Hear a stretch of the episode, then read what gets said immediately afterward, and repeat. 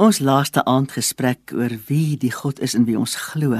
Daar wil ek vir jou sê, hy is vrede. Johannes 14 vers 27 lees: Vrede laat ek julle na. My vrede gee ek aan julle.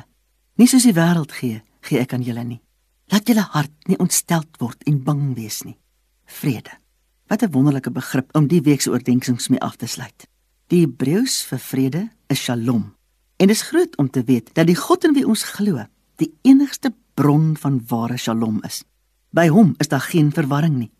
Hy kan nie lieg nie. Hy's nie agterbaks. Hy's heilig en daar is geen ongeregtigheid in of aan hom nie. Daarom wat oorbly is vrede. Hebreëus is woesryk aan betekenis. Die woord Shalom het soveel betekenisse. Dit beteken veilig. In die figuurlike sin beteken dit gelukkig en vriendelik. In die abstrakte sin verwys dit weer na welvaart. En onder welvaart word bedoel gesondheid, voorspoed en vrede. Die wortelwoord van Shalom is Shalom.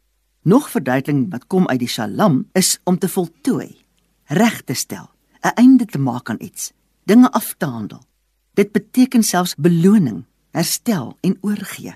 As dit is wat opgebottel is in die wese van die Skepper in wie ons glo, kan ons verstaan dat daar by hom rus gevind kan word. Rus, nie stryd nie, nie onenigheid of twis en onmin nie. Geen wonder dat Jesus beloof het in Johannes 16:33, dit het ek vir julle gesê, dat julle in my vrede kan hê. In die wêreld sal julle verdrukking hê, maar goeie moed, ek het die wêreld oorwin. Maar daar's nog 'n baie belangrike ding. Dink gou saam aan die sewe skepingsdae. Wat het op dag 7 gebeur? Is dit moontlik dat God rus geskep het? En hoekom het hy self gerus? Kan hy moeg word sodat hy nodig gehad het om te rus? Of het hy gerus as 'n voorbeeld vir ons dat ons sal oefen om te rus? En as die volgende vraag, wat gebeur as mens rus? Wanneer rus mens in die gees? Dit kom net wanneer ons God waaragtig vertrou en alles aan hom toevertrou sonder om ons eie planne te maak.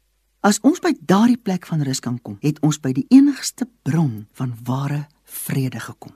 Oefen om stil te word by Vader. Oefen om hom te vertrou. Gaan in sy rus in en jy sal leef gebaai in goddelike vrede.